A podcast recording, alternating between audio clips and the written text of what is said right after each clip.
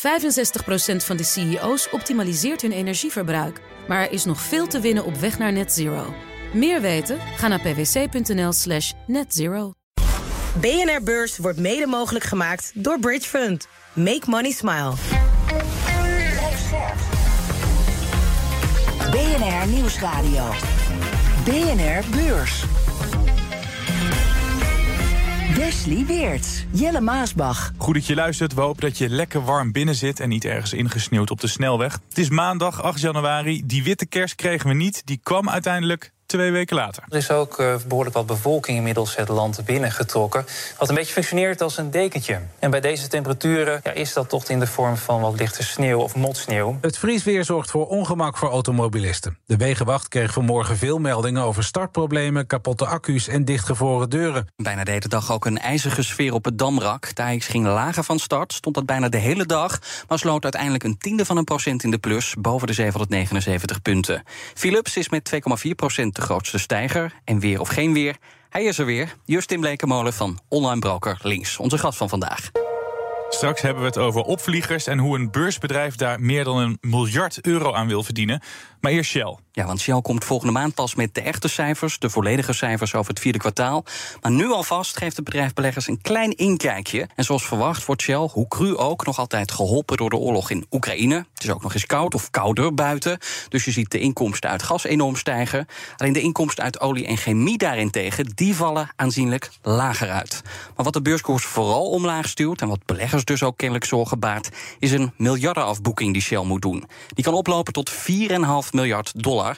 En Shell zegt dat die afboeking vooral te maken heeft met macro- en externe ontwikkelingen. En dat is lekker vaag. Dus Justin, ja, kun jij meer duidelijkheid scheppen? Die klap van 4,5 miljard dollar, waardoor wordt die veroorzaakt? Nou, ongeveer de helft van uh, wat je net zei... kunnen we inderdaad uh, wijten aan uh, macro- en externe marktomstandigheden. Mm -hmm. ja, dan moet je gewoon vooral denken aan dat de olieprijs... natuurlijk flink lager ligt dan een jaar geleden. Ja. Vooral de afgelopen drie maanden, de laatste drie maanden van het jaar...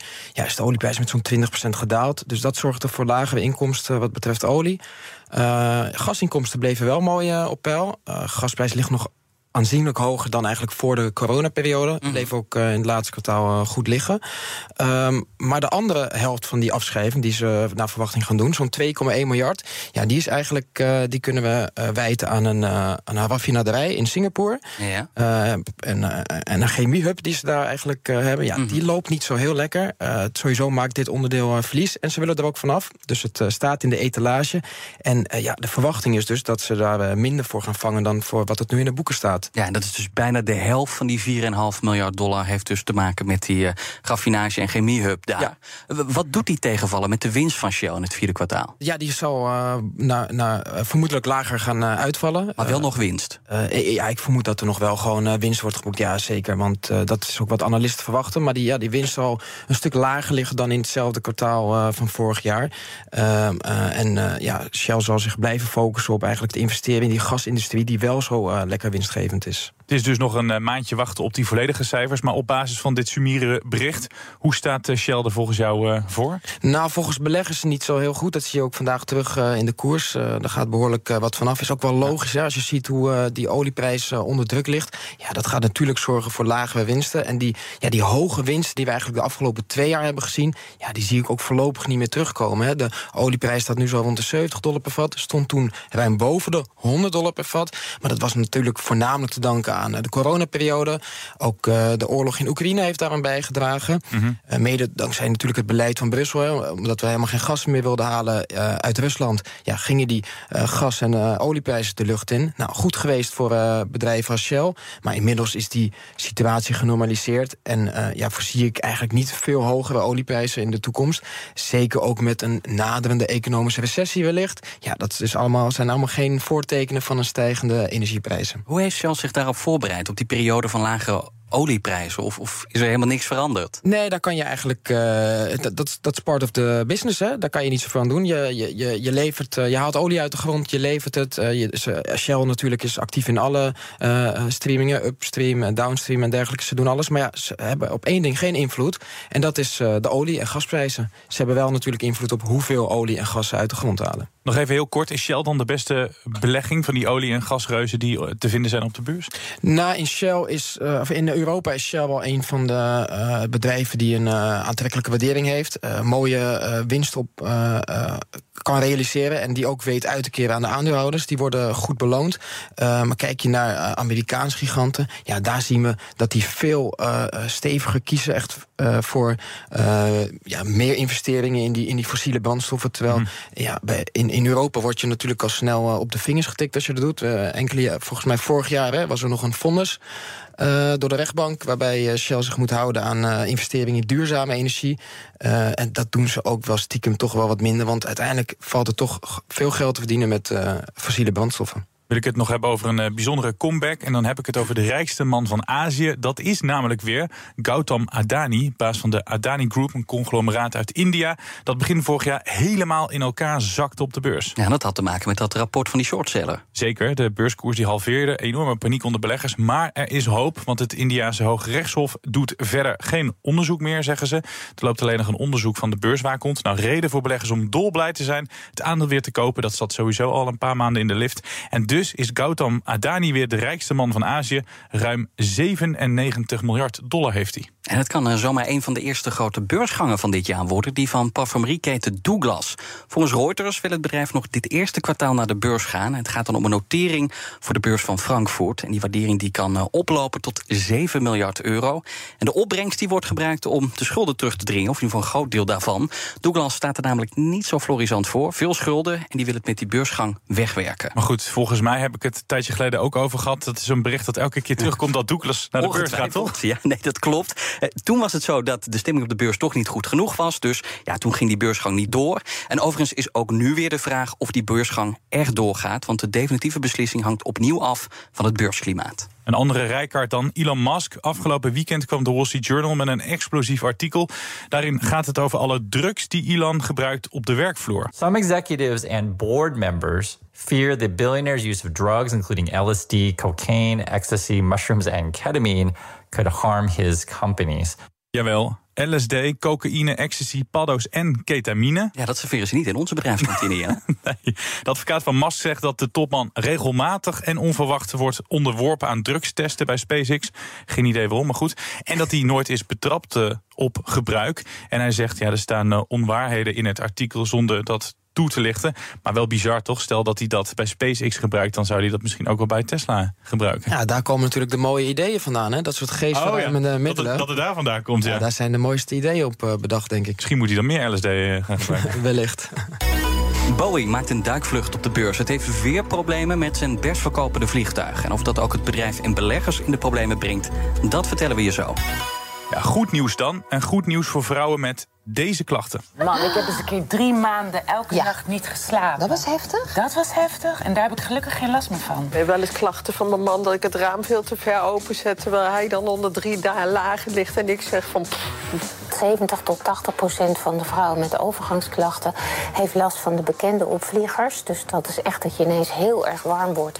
En soms word je echt, krijg je een hoofd als een tomaat en drupt het van je voorhoofd af, letterlijk. De Duitse farmaceut Bayer heeft mogelijk een wondermiddel ontwikkeld. Bayer is bezig met een medicijn tegen de menopauze. En wat blijkt? In twee studies werd het aantal opvliegers bij vrouwen flink verminderd. Ze zijn er nog niet, er moet nog een derde studie komen. Maar als die slaagt en de toezichthouder keurt dit goed, is dit een potentiële blockbuster. En kan dit middel een omzet van meer dan 1 miljard euro opleveren. He, eindelijk eens goed nieuws van dat bedrijf, dacht ik. Hoe kijk jij naar deze resultaten van Bayer als Bayer-deskundige? Want je zei voor deze uitzending al, altijd als het over Bayer gaat, dan... Uh, ja, heb je het met mij erover? Nee, dat is zeker uh, bemoedigend. Want we hebben het inderdaad al een aantal keer over Bayer gehad. En mhm. daar uh, loopt het niet zo lekker. Dus ja, als ze deze, dit blockbuster medicijn op de markt kunnen brengen... Ja, dan kan dat wel worden gezien als een keerpunt voor Bayer. Die vooral veel tegenslagen te verwerken kreeg de afgelopen jaren. ja, als, als dit medicijn een succes wordt... Ja, dan kan het echt wel potentieel goed nieuws zijn eh, voor de aandeelhouders en de marktpositie van het bedrijf. Ehm, eh, want eh, ja, het is een behoorlijke afzetmarkt, 1 miljard dollar per jaar. ongeveer 1 miljoen vrouwen in de VS hebben hier jaarlijks last van. Dus ja, het is een best wel mooie markt. Ja, dus jij verwacht er wel veel van als dit middel wordt goedgekeurd. Ja, het is natuurlijk ook een uh, prachtig middel. Iedere vrouw heeft hier bijna last van. Dus uh, vervelende klachten zoals haarverlies, opvliegers... maar ook een onregelmatige hartslag. Dus het is natuurlijk niet niks. En uh, ja, zo'n prachtig medicijn zijn voor vrouwen. maar ehm, ja... we hebben het steeds over dat obesitasmiddel gehad, wat dan gebruikt wordt als afvalmedicijn. En daarvoor hoorde ik heel veel analisten en ook deskundigen hier in de studio zeggen: ja, dat, dat kan het nieuwe goud zijn. Dit zou dat misschien ook wel kunnen zijn. Nou ja, dat afvalmedicijn dat is ook wel echt uh, het nieuwe goud. Dus zeker als je kijkt naar uh, aandelenkoersen van uh, Eli Lilly en Novo Nordics mm. bijvoorbeeld. die medicijnen zijn volgens mij net aan goedgekeurd om als afvalmedicijn gebruikt te worden. Zijn natuurlijk al heel lang worden ze daarvoor gebruikt zonder dat het echt officieel goedgekeurd is. Ehm, ja, dit is natuurlijk ook een mooi medicijn. Maar als je dat afzet naast zo'n afvalmedicijn, dan zou ik eerder dat het goud noemen. Want als je kijkt naar die afzetmarkt voor een afvalmedicijn. Hè, groter. Ja, in Nederland komt volgens mij bijna de helft uh, van de mensen met overgewicht. Uh, in, in, in Amerika is dat nog ja. veel erger. Hè? In, het is moeilijk om nog slanke mensen te vinden, überhaupt daar. Ja, in, volgens mij hebben ze in de VS heeft ruim 40% van de mensen zelfs obesitas. Dus ja, dat is echt een grote afzetmarkt. Maar als we weer kijken naar dit medicijn, ik dacht het kan misschien wel eens de redding zijn. En dan kijk je naar de koersuitslag. Een tiende van een procent in de plus gesloten. Beleggers die geloven nog niet helemaal. Nee, kijk, als je natuurlijk keer op keer uh, slecht nieuws krijgt, dan, uh, dan. En dit is dan nu een, uh, een potentieel medicijn -huh. met een potentiële afzetmarkt van 1 miljard dollar. Nou, voordat dat op de markt komt, zijn we wellicht ook weer een aantal jaren verder. Hè. Er moeten nog meer studieresultaten volgen. En ondertussen blijven er natuurlijk wel heel veel rechtszaken spelen voor het bedrijf vanwege onkruidverdelger Roundup. En ja, daar zijn ze nog steeds niet vanaf. en daarom zie je ook dat de nieuwe CEO ook vol bezig is om uh, het tijd te keren. Ze zijn aan het onderzoeken nu uh, wat ze gaan doen. Uh, wellicht hoort het afstoten van bepaalde bedrijfsonderdelen van, daar, daarbij. Ja, want dan zou die chemietak worden, zou worden afgestoten. ja, precies. En dan kan je zo dat natuurlijk boekhoudkundig mooi wegwerken als je die tak kan afstoten. En ja, dat zal later dit jaar duidelijk worden. En maakt dat het aandeel ook meteen dan interessanter? Nou, dan uh, kan je op, op, op die rechtszaken kan je afschrijven. En ik denk dat ze dat dan uh, uh, ja, mooi vakkundig weten weg te werken. door bijvoorbeeld een deal te sluiten met de Amerikaanse rechtbank. om ja, dat, dat deel failliet te laten verklaren. En dan kan je, kunnen eigenlijk gebruikers geen, niet langer aanspraak maken op ja, op de gevolgen van dit medicijn. Nee, maar dan heb je eigenlijk twee potentiële lichtpuntjes. Dan heb je dus het lichtpuntje van dit medicijn, dat dus mogelijk uh, succesvol zou zijn en een vrij grote markt heeft. En je hebt dan het punt dat ze dus wellicht die gemeentedak uh, gaan lozen. Ja, dan staat het aandeel er opeens wel beter voor. En dan is het instapmoment misschien nu wel heel gunstig. Want het aandeel kun je voor een redelijk lage prijs op de kop tikken. Ja, dat zou zomaar kunnen. Ik zal er nog wel even inderdaad iets meer onderzoek doen. Maar ik, wat ik net al zei, het blijft natuurlijk uh, afwachten hè, of dit medicijn er dan wel uh, doorheen komt. Je hoort ik wel merk dat ik te optimistisch ben. Nou ja, je, het, het, blijft een gok. Hè. Je hoort wel vaker dat, uh, dat er goede studieresultaten zijn in, in de eerste fases. En dan moet het nog later blijken of dat echt zo is. En vervolgens moet toezichthouder het medicijn ook nog goedkeuren. Dus daar gaat nog wat tijd overheen. Ja, we kunnen wel met zekerheid zeggen die chemietak, dat loopt niet zo best. Maar in de farmaceutische tak, daar zit misschien echt wel de toekomst helemaal als zo'n middel als dit wordt uh, goedgekeurd. Ja, zeker. Je ziet de laatste jaren sowieso dat uh, steeds meer uh, mogelijk is wat betreft biotech. Er worden steeds meer medicijnen ontwikkeld, ook op nieuwe technologieën. BNR Beurs. Dan naar Wall Street. Weinig enthousiasme bij de Dow Jones. Die staat een tiende van een procent lager. Wel enthousiast wordt er gehandeld op de S&P 500. Dat staat 0,7 procent in de plus. De Nasdaq wint zelfs 1,5 procent. Er is vooral één bedrijf dat opvalt. En dan in negatieve zin. Dat is Boeing. Dat aandeel gaat 6,8 procent naar beneden. Ja, net op het moment dat Boeing alles weer op de rit leek te hebben... blijkt er opnieuw iets mis met de 737 MAX. Het probleemvliegtuig van Boeing. Een paar jaar geleden crashten twee vliegtuigen van dit type. Honderden mensen kwamen op het leven... en anderhalf jaar lang mocht er niet met de toestellen worden gevlogen. En nu, jaren later, doet zich een nieuwe levensgevaarlijke situatie voor... met de 737 MAX van Boeing. Bij een gloednieuwe Boeing van Alaska Airlines werd afgelopen weekend tijdens de vlucht een deel van de romp weggeblazen. 171 passengers got the shock of a lifetime Friday. Bang, or like a boom. And passengers say one teen even had his shirt ripped off from the explosive decompression. And the mother was holding on to him. And she said her son's cell phone and some stuff blew out of the plane. Ondanks een groot gat in de romp landde het toestel uiteindelijk veilig. Raakte wonder boven wonder niemand gewond. Wel werden uit voorzorg de toestellen van dit specifieke type... de 737 MAX 9 vliegtuigen in de VS aan de grond gehouden. Chad Justin, die uh, Boeing 737 MAX kent dus een lange reeks veiligheidsproblemen onderzoeken. Wat betekenen de nieuwe problemen voor Boeing? Ja, Boeing kan zich opnieuw uh, achter de oren krabben. Want dit, uh, na eerder die twee dodelijke vliegtuigongelukken... Ja, blijkt, blijkt het toestel opnieuw niet veilig te zijn. Dus nee. uh, ja, dat zal nog meer een deuk brengen in het imago van, van Boeing. dat al wat aan betrouwbaarheid had ingeboet de afgelopen jaren. Dus ja, dit zal ja, flinke gevolgen hebben voor Boeing... wat betreft winstgevendheid en toekomstige vooruitzichten van het bedrijf. Ja, ook, ook qua inkomsten. Want uh, dit is ook het moment waarop Boeing juist de productie van die 737 MAX aan het opvoeren was. Dat feestje gaat ook even niet door, denk ik nu. Ik denk dat die geplande productieopvoering eventjes uh, stil ligt. Inderdaad. Die zal wel wat vertraging oplopen. Want uh, ja, we moeten natuurlijk eerst uh, uitslag worden afgewacht van het onderzoek. Er zullen weer vele inspecties volgen. Alle bestaande toestellen zullen een inspectie krijgen. En als er dan echt een probleem wordt gevonden... wat betreft veiligheidscontroles... en er zouden daar aanpassingen aan gedaan moeten worden... ja, dan moet natuurlijk dit hele productieproces daar worden aangepast. Mm -hmm. dus ja, hier gaat wel een lange tijd uh, weer overheen, verwacht ik. Maar krijgen we dan dezelfde tafereelen als een paar jaar geleden... dat die vliegtuigen ook maandenlang ja, aan de grond staan en, en niet kunnen opstijgen? Ik ben uh, bang van wel. En beleggers zijn uh, daar ook bang voor. En daarom staat het aandeel ook 8% lager. Ja, nou is het ook zo dat beleggers nadrukkelijk kijken naar de toeleverancier. Spirit Aerosystem, dat de romp voor de 737 MAX bouwt. Daar gaat het ook wel vaker mis. Verkeerd uh, geboorde gaten, loszittende schroeven. Ja, de toezichthouder zou ook geregeld gerichte controles uitvoeren. En wat je moet weten is dat Spirit Aerosystems tot 2005 onderdeel was van Boeing... maar werd uiteindelijk afgesplitst en verkocht. Die afsplitsing was een besparingsmaatregel. Volgens de Financial Times wilde Boeing die fabrieksmedewerkers... niet dezelfde hoge lonen betalen als de medewerkers op duurdere plekken in de VS. Even tussendoor, als je nu luistert en je hebt vliegangst, dan durf je toch gewoon nooit meer met zo'n kist de lucht in? Dat denk ik niet. Helemaal als je de beelden. Ja, Kijk, wij, wij hebben het nu de beelden gezien. Ja, oh. dat is echt wel heftig. Dat er gewoon een heel groot stuk uit dat vliegtuig opeens weg is. Maar het is dus een besparingsmaatregel geweest bij die belangrijke toeleverancier.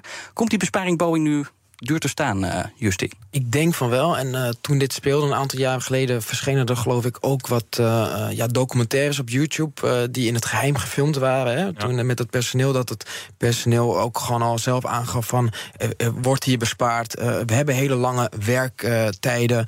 en de inspecties lijkt Boeing gewoon weg niet op controle, niet goed te hebben. En Justin, ze hebben eigenlijk maar één concurrent. Dat is natuurlijk het Europese Airbus. Gaan die profiteren van die ellende bij Boeing, denk jij? Ja, zeker. zeker. En dat, dat is ook iets wat je al ziet de afgelopen jaren. Hè. Uh, uh, eigenlijk sinds die problemen bij Boeing ontstonden... heeft Airbus uh, de leidende positie overgenomen... wat betreft grootste leverancier van vliegtuigen. Airbus verkocht afgelopen jaar ook meer dan 2000 vliegtuigen. En Boeing, ja, en wist daarmee Boeing voor het vijfde jaar bereid te verslaan. Want Boeing verkocht het afgelopen jaar maar 1200 vliegtuigen. Dus ze zijn wat betreft verkoop van vliegtuigen Boeing al uh, voorbij. En dan moet 2024 ook een beetje het jaar worden van de luchtvaart. Iedereen gaat weer vliegen, deden we vorig jaar al een beetje. Maar we moeten dat overstijgen ten opzichte van voor corona dit jaar. Uh, Airbus is dus de betere van de twee. Maar zou jij überhaupt beleggen in uh, dit soort luchtvaartaandelen, de vliegtuigbouwers? De vliegtuigbouwers zijn in ieder geval een betere belegging dan uh, de vliegmaatschappijen. Dat is nog niet heel enthousiast. nee, maar uh, nee, ja, Airbus laat, uh, laat de afgelopen jaren een, een, een, mooie stevige groei zien. De luchtvaartbusiness die groeit volop door. Dat zien we ook terug in de omzetgroei van, van aandelen als Airbus en, en Boeing.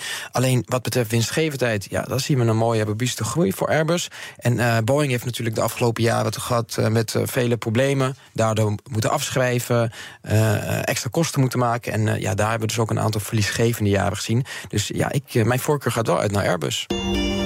BNR Beurs.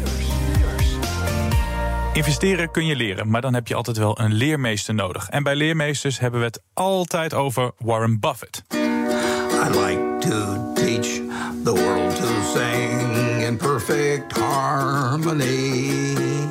I like to buy the world a Coke and Maar die mag deze week de show eens niet stelen. Deze hele week staan we stil bij andere leermeesters, want ook die hebben verstand van beleggen. En Justin, jij leerde veel van Peter Lynch. Ja, wie is hij en wat kunnen we van hem leren? Ja, ik ben, met te eh, glunderen? ik, ja, ik ben persoonlijk groot fan van eh, Peter Lynch. Een aantal jaren geleden zijn eh, boek gelezen, genaamd One Up on Wall Street. waarin hij zijn methode uitgebreid toelicht. En ja, de beste man heeft ook erg mooie prestaties laten zien. In een iets wat korte carrière. Maar hij heeft in 13 jaar tijd een gemiddeld rendement van 29% per jaar geboekt. Nou, in diezelfde periode deed de SP ongeveer de helft. Zo'n eh, 15% per jaar. Dus ja, hij heeft best wel wat mooie resultaten laten zien. En waar komt hij vandaan? Waar heeft hij gewerkt? Hij komt ook uit eh, de Verenigde Staten. Hij heeft uh, een lange tijd het uh, Magellan Fund geleid, wat nu in handen is van Fidelity. nee, eigenlijk is Peter Lynch net als Buffett gewoon voorstander van investeren in begrijpelijke bedrijven. Dus een bedrijf dat bijvoorbeeld, noem maar wat, iets simpels verkoopt als ondergoed, is makkelijker te, makkelijker te begrijpen dan een, een bedrijf dat een nieuwe nanochip, nanochip aan het ontwikkelen was. Dus zo keek hij ook heel simpel, net als Buffett, naar eenvoudige bedrijven die dan wel mooie groei uh, mooie lieten zien. En Wesley zegt wel eens tegen mij: sinds jij in mijn leven bent, is het veel beter geworden. Heb je dat ook met uh, Pieter Lynch? Heb ik nog ja. nooit gezegd. Dit. Oh. nee, zeker. Hij, uh, hij, hij, heeft zeker uh, mooie. er staan hele leuke dingen in zijn boek. ook dingen waar je echt wat aan hebt. Zijn specialiteit was echt om groeiende bedrijven te selecteren. Maar die dan wel een aantrekkelijke waardering kennen. en hij heeft dan ook. hij is mede ontwikkelaar geweest van de, de PEC ratio. De price to earnings growth ratio. Waarbij je eigenlijk de koers-winstverhouding afzet tegenover de groei. En uh, ook Buffett kan uh, Lynch waarderen. Uh, eind jaren 80 belde, belde hij Lynch op om een quote te gebruiken uit zijn boek. Namelijk: Selling your winners and holding your losers is like cutting the flowers and watering the weeds.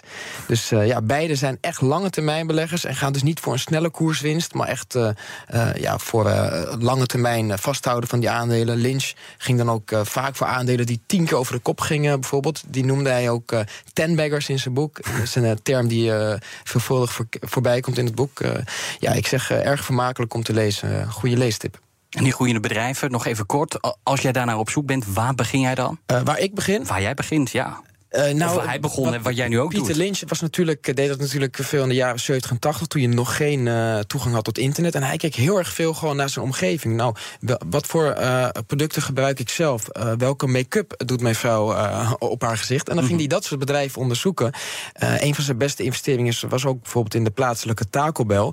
Dat natuurlijk toen enorme groeiplannen had om uit te breiden. En toen in enkele jaren honderden ketens open, opende in, in de VS en daarbuiten. En ja, volgens mij heeft hij uh, in dit aandeel, uh, ging dit aandeel 40 keer over de kop.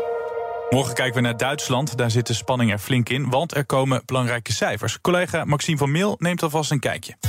In Duitsland zijn ze met de gedachte nog bij vorig jaar. Statistiekbureau Destatis vertelt ons hoe de Duitse industrie er in november voor stond. Er wordt met spanning naar gekeken, want de productiviteit daalt al maanden, grotendeels door de hoge energieprijzen. In september resulteerde dat in 3,5% minder productie dan een jaar eerder. Bij het Nederlandse CBS zit de sfeer er wel goed in. Daar wordt feest gevierd, want het bestaat 125 jaar. Het werd opgericht op 9 januari 1899 en sindsdien voorziet het bureau ons van alle statistieken die ons hartje begeert. Dit was hem dan echt, de BNR-beurs van maandag 8 januari... waarin we het hadden over een miljarden tegenvaller voor Shell. Ook bij Boeing kan een nieuwe tegenvaller flink in de papieren lopen... want daar zorgt de 737 MAX, het probleemvliegtuig van Boeing... voor doodsangsten bij passagiers en bij beleggers. En mensen met vliegangst stappen na het zien van die beelden... denk ik nooit meer in. Uh, maar mensen met opvliegers die zijn wel geholpen, eh, horen we in deze aflevering. Niet door Boeing, maar door Bayer. Die laatste heeft mogelijk een wondermiddel ontwikkeld. Van ons wonder gaan we nu afscheid nemen. Justin Blekenmode van Online Broker Links. Fijn dat je er was. Jij bedankt voor het luisteren en wij zijn er morgen weer. Tot morgen. Tot morgen. BNR Beurs wordt mede mogelijk gemaakt door Bridge Fund. Make money smile. 65% van de CEO's optimaliseert hun energieverbruik. Maar er is nog veel te winnen op weg naar net zero. Meer weten? Ga naar pwc.nl slash netzero.